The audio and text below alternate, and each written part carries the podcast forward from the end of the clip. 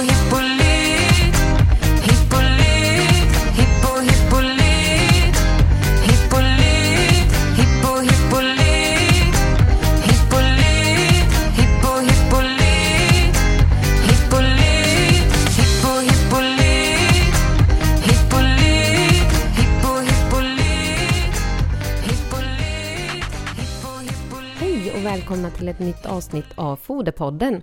Idag ska vi prata om ett ämne som är väldigt hett diskuterat och ibland känns det nästan som att det finns två läger.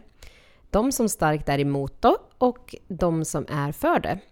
Och vi ska alltså prata om slow feeding nät idag och mycket åsikter florerar på nätet om det här och vi tänkte diskutera dessa genom att grotta in oss i den vetenskapliga världen och vad de har att säga om slow feed nät. Och det tänkte jag göra tillsammans med Jennifer. Ja, Eh, Jennifer, vad har du stött på för kommentarer om slow feeding nät? alltså min uppfattning är generellt att många ställer sig väldigt positiva mot slowfeed-nät och många använder slowfeed-nät mer och mer. Ehm, Men de flesta har säkert stött på kommentarer såsom att de får nackproblem, problem med tänderna och sådana saker, att de kan fastna. Mm. Men om vi ska börja, för kanske inte alla som är helt be- bekanta med slow feed nät ändå, så kanske vi ska börja med att definiera vad som faktiskt är ett slow feed nät.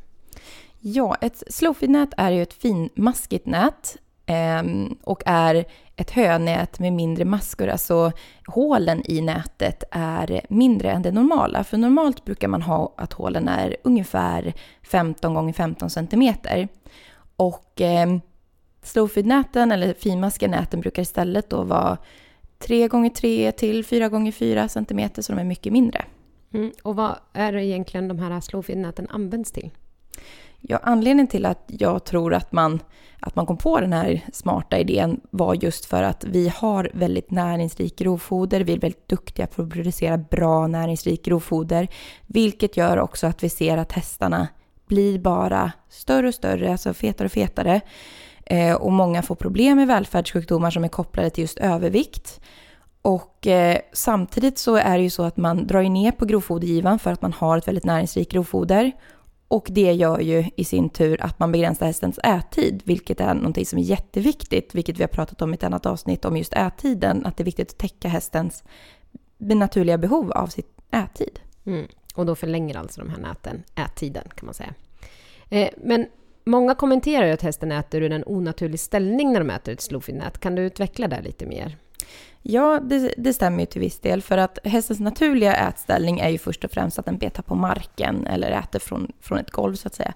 Och för att eh, få ner och komma åt så bra som möjligt så står ju hästarna lite bredare isär med frambenen. Ofta brukar den ha ett ben längre fram än det andra och för att komma ner med huvudet helt enkelt mot marken. Och eh, ställningen har ju också inte bara det att den hästen ska komma åt fodret utan också ett syfte i att det, det rensar luftvägar från eventuellt slem som kan rinna ner annars. Och eh, den här reningen försvåras ju lite om hästen äter från en högre ställning och är mer onaturlig. Så man har diskuterat lite gällande just muskler i nacke och rygg, hur det påverkas i och med den här onaturliga ställningen. Mm. Och i några av studierna som finns uppvisas ibland ett frustrerande beteende hos hästarna Eh, där de drar, när de alltså ska dra ut det här höet med en stor kraft. Och det finns ju även studier där som man har tittat just på det här för att se vad, vad händer egentligen när hästen drar eller försöker få ut fodret ur nätet.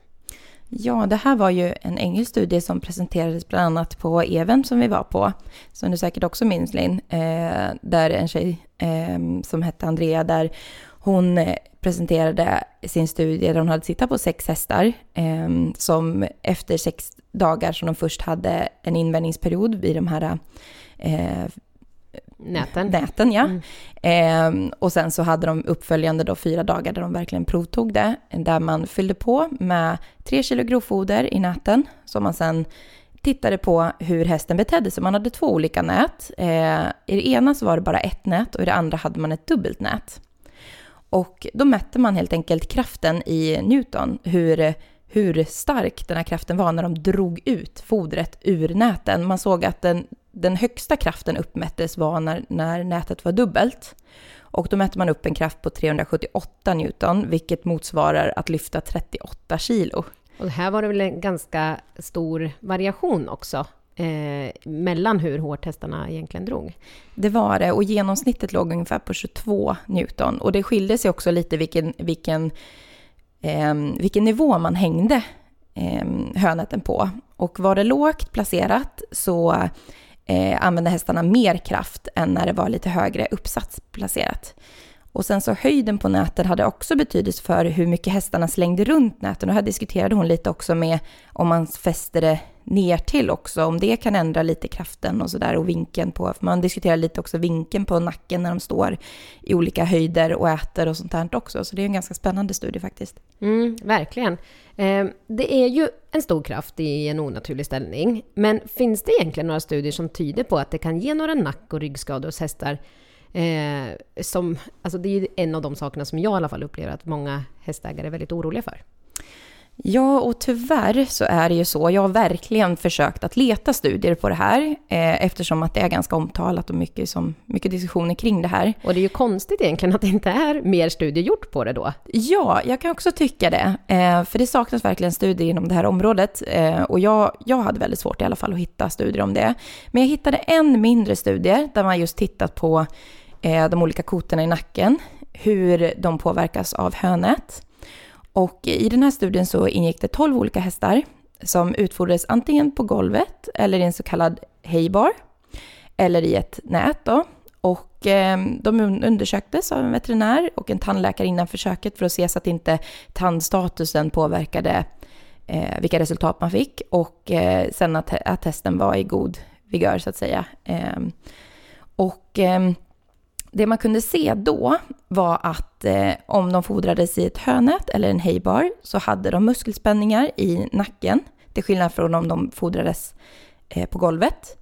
Och man kunde utesluta att man kunde se att alla hästar som hade fodrats i just hönät visade muskelspänningar någonstans i kroppen. Det behövde inte alltså vara nacken, utan någonstans i kroppen så såg de att det var en viss muskelspänning om de hade fodrats i ett hönät jämfört med om de hade utfodrats på golvet eller i de här hejbaren då.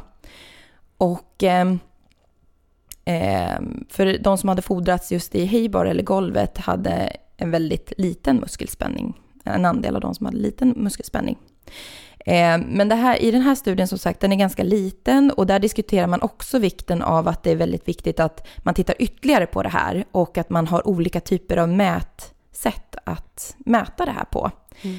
Eh, och det är också viktigt att tänka på att det här är endast en studie. Så att vi behöver ju fler för att kunna dra några större slutsatser om det verkligen ger ja, problem eller inte. Mm. Eh, har man tittat någonting egentligen på vad hästarna föredrar? Ja, det finns några studier där man har jämfört just nät och eh, hästar som har ätit från golvet, där man tydligt har sett att hästarna många gånger föredrar att äta från golvet. Ehm, och eh, jämfört med då om man har ett hönät som hänger. Men de här studierna, någonting också man ska tänka på är ju att de är ju gjorda i box. Och det är ju inte alltid att man har så att hästen ser någonting i nederdelen av boxen. Så vissa hästar tittade ju upp under den här studien, tittade lite, stod och smakade lite på hönätet medan de stod och tittade runt omkring sig och sen åt på golvet. Så att det, ja, det, det kan man ju diskutera lite grann och man har också sett att det finns vissa individuella skillnader här, som till exempel vi har en häst i stallet som föredrar att äta ur hönät, för hon tycker inte om när det ligger på marken helt enkelt. Jag tycker att man stöter på det lite titt som tätt med hästar som just... Eh, många hästar tycker ju om att äta grovfoder. Många hästar eh, kanske man skulle då behöva begränsa det för, eh, just med avseende på vikten. Men på vissa hästar som är tunna och som man skulle önska åt mer foder, äter faktiskt bättre när man just får upp det i nät. Så att det kan ju vara också ett, ett är någonting som man då eventuellt skulle kunna prova just för att se om just den hästen upplever det som en skillnad, precis som den hästen i stallet. För det är inte helt ovanligt tycker jag. Nej, och i, i det fallet så tror jag kan handla lite om att det här är en häst som är högst i rang. Eh, och hon tror jag har svårt att koncentrera sig på att äta när hon inte ser de andra hästarna. Så när det kommer upp lite hönätet så har de bättre koll på de andra hästarna i stallet. Mm. Eh, sen finns det den här aspekten med att tänderna då skulle påverkas ne negativt av hönäten. Finns det några vetenskapliga bevis för det här? Nej, eh, inte vad jag kan hitta så finns det inga vetenskapliga bevis än så länge, eller några studier som man, där man har tittat på det här. Eh, men jag har läst på, på nätet, där det var en veterinär som, som uttalade sig om det här, där de där de i alla fall hade kunnat se tandproblem som just kunde kopplas till näten. Eh, men att de inte har sett att det har blivit några allvarliga tandproblem av det. Men att de har sett vissa förslitningar eh, på tänderna. Men det är också ett område som jag känner att det kan ju vara viktigt att kunna dra några, slu några slutsatser från det, så måste man ju ha mer bevis för det. Mm, absolut, det är ju jätteintressant. Eh, skulle du kunna säga att det finns några andra risker som du vill nämna eh, när det kommer till hörnet? Ja, absolut. Och det är ju främst med, med det här att de kan fastna i skor eller grimmor och täcken om det är så att man har nät. Ehm, så att man brukar ju rekommendera att hönäten ska hänga tillräckligt högt upp. Ehm, rekommendationen där är ju minst 70 cm från marken till nedre delen av kanten på nätet då. Ehm, just för att minska risken för det här. Och det är ju också viktigt om man tänker på om man har en höbal ute som man har ett slow feed-nät på eller ett nät på, att man faktiskt täcker första delen av närmast marken på något sätt. Att man kanske ställer något fodertråg där eller för att minska risken för att de fastnar med skor och sånt. Ehm, och en annan risk är ju att hästarna har ju ganska utstående ögon. Så att är det så att hönätet sitter högt upp så finns det ju risk också att strån faller faktiskt in i ögonen och skapar skador på, på ögon. Eh, vi har ju nu pratat om ganska mycket så nackdelar kan man säga eh, med slowfeed-näten. Vi har diskuterat lite då vad olika studier visar och eh, vad kan vi säga vad finns det för fördelar då med slowfeed-näten? Ja. Det kan ju också vara bra att ta upp. Ja, det är ju väldigt viktigt att ta upp också. Och eh, i ja, uteslutande de flesta studierna som jag har läst så har man kunnat se att ättiden har signifikant varit längre vid utfodring i slowfeed-näten än de finmaskiga näten. Och eh, det finns till exempel en studie där man har jämfört när hästarna äter på golvet och om de äter från ett vanligt hönät, det vill säga att eh, de här eh, rutorna i nätet är ungefär 15 gånger 15 cm stora. Och man har ett lite mindre maskigt nät, eh, medelmaskigt nät kan vi kalla det, på ungefär 4,5 gånger 4,5 cm och ett småmaskigt nät på 3 gånger 3 cm. Och eh, och de här forskarna i den här studien, de erbjöd en hömängd på 1% av kroppsvikten två gånger dagligen. Och tillät dem sen att äta i de här, på de här olika sätten under fyra timmars tid. Och eh, efter de här fyra timmarna, så om det var kvar hö, så plockade man ut det och vägde upp det för att kunna göra en bedömning. Och det man kunde se var att man inte såg några skillnader mellan om hästen utfodrades på golvet eller om de utfodrades i det vanliga höet som var väldigt stormaskigt. Däremot så såg man väldigt tydliga skillnader på om de hade det i det här väldigt småmaskigt nätet eller medelmaskiga nätet. Eh, för de hästarna hann inte äta upp sitt hö alls under fyra timmar. Så då gjorde man ett nytt försök eh, och tittade på hur lång tid det tar för hästarna att äta i de här olika. Och då såg man att det här medelmaskiga på 4,5 gånger 4,5 cm tog det 5,1 eh, timmar i snitt då för hästarna att äta upp sitt hö. Medan hästar med det här allra minsta småmaskiga som var 3 gånger 3 cm tog det i genomsnitt 6,5 timme för att äta upp sitt hö. Så det här är ju väldigt stor skillnad och väldigt enkelt sätt att förlänga nättid om man behöver begränsa grovfodergivan. Ja, det blir ju väldigt tydligt. Eh, och det är ju också återigen bra att man gör de här konkreta mätningarna, så man vet. Ja, och det finns ju en annan studie också, eh, eller ett examensarbete som man har gjort där man har sett eh, samma resultat. Och då jämförde man på golvet eller ett finmaskigt hö, eh, hönät. Och då såg man att äthastigheten eh, skilde sig ganska mycket. Eh, i, på golvet så hade hästarna i genomsnitt en äthastighet på 0,86 kilo TS, medan i finmaskiga hönätet så hade de 0,48 kilo TS. Mm, härligt. Eh, en annan fördel med slowfin som jag också tycker att man ska ta upp, det är ju att man faktiskt kan minska spillet eh, genom att ställa en låda under nät som fångar upp fodret. Vad, vad skulle du vilja säga om det? Ja, eh, det finns också ett, ett examensarbete gjort där man har uppmätt just foderspillet eh, som blir efter ett utfodring i hönat. Och eh, spillet skiljer sig ganska mycket för om hästen eh, åt på golvet jämfört med, med nätet. För man kunde uppmäta ungefär 3% av foderkonsumtionen för en häst som väger 600 kilo. Eh, att spillet var för en, om den utfodrades i ett hönät. Och eh, foderspillet, om man utfodrade från golvet istället då, så kom man upp i 22 procent av foderkonsumtionen. Så det var ju mycket större spill om man fodrade på golvet. Mm, det här tycker jag är jätteintressant eftersom att jag gjorde ju min masteruppsats just på förluster eh, och även då underutfodring och även lagring. Så det här är ju, det är ju otroligt mycket förluster i Ja. just foderhanteringen på olika plan. Mm. Eh, men nu har jag, säg att jag har en häst som inte ätit ur slowfeednät tidigare. Eh, kan jag helt plötsligt börja fodra eh, eller ska jag introducera den på något sätt? Vad rekommenderar du? Ehm, jag tror att det är väldigt viktigt i det här läget också att man ser till individen, eh, för det skiljer sig ganska mycket. Ehm, men även här så finns det ett examensarbete där man har tittat på åtta olika hästars beteende när de har utfodrats i ett slowfeed-nät under sex dagars tid för att kunna se utvecklingen, hur de reagerar under de här sex dagarna. Och eh, man kunde se då, vilket jag tyckte var lite spännande, att två av de här hästarna var rädda för näten till en början. Eh, och någonting också som är viktigt att tillägga är att de här hästarna fick också foder på golvet. Eh, och sen så hade de de här två kilorna i slowfeed-nät också. Mm. Ehm, och det är också lite för att motverka att de, får, att de är väldigt hungriga direkt när de börjar på, på nätet. Men eh, det man kunde se var att ättiden var ju mycket längre dag, dag ett med nät jämfört med om hästarna åt ut, helt utan nät. Ehm, och likaså dag sex.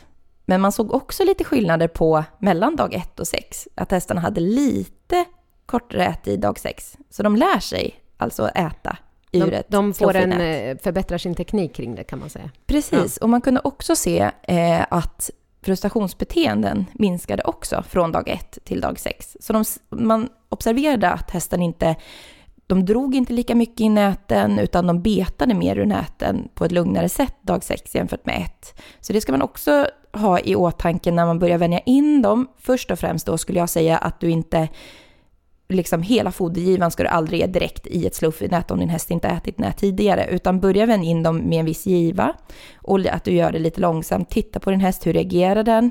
Och att man ser liksom vilken typ av, av beteende har den. Är det så att den visar en frustration och så till en början så, och att de rycker mycket så behöver inte det betyda att de inte lugnar ner sig efter några dagar när de har lärt sig systemet. Mm. Eh, Eh, alltså, vi har ju pratat i det här avsnittet nu väldigt mycket och sammanställt resultat från studier. Eh, vi har ju faktiskt båda två lite egna erfarenheter kring slowfeednät som jag tänker att vi kanske kan avsluta lite med. Eh, och börjar man med mig så använder jag slowfeednät till mina hästar ute i hagen. Eh, där vi hade byggt en speciell, vad kan man säga, foderkrubba eller foderställning där vi hade nät. Eh, men precis som du refererar till här så hade vi också ehm, Förutom då att vi gav foder i nätet så var det som en krubba under. Eh, så att dels fångades spill upp i den här krubban eh, istället för att det hamnade på marken och kanske ner i leran.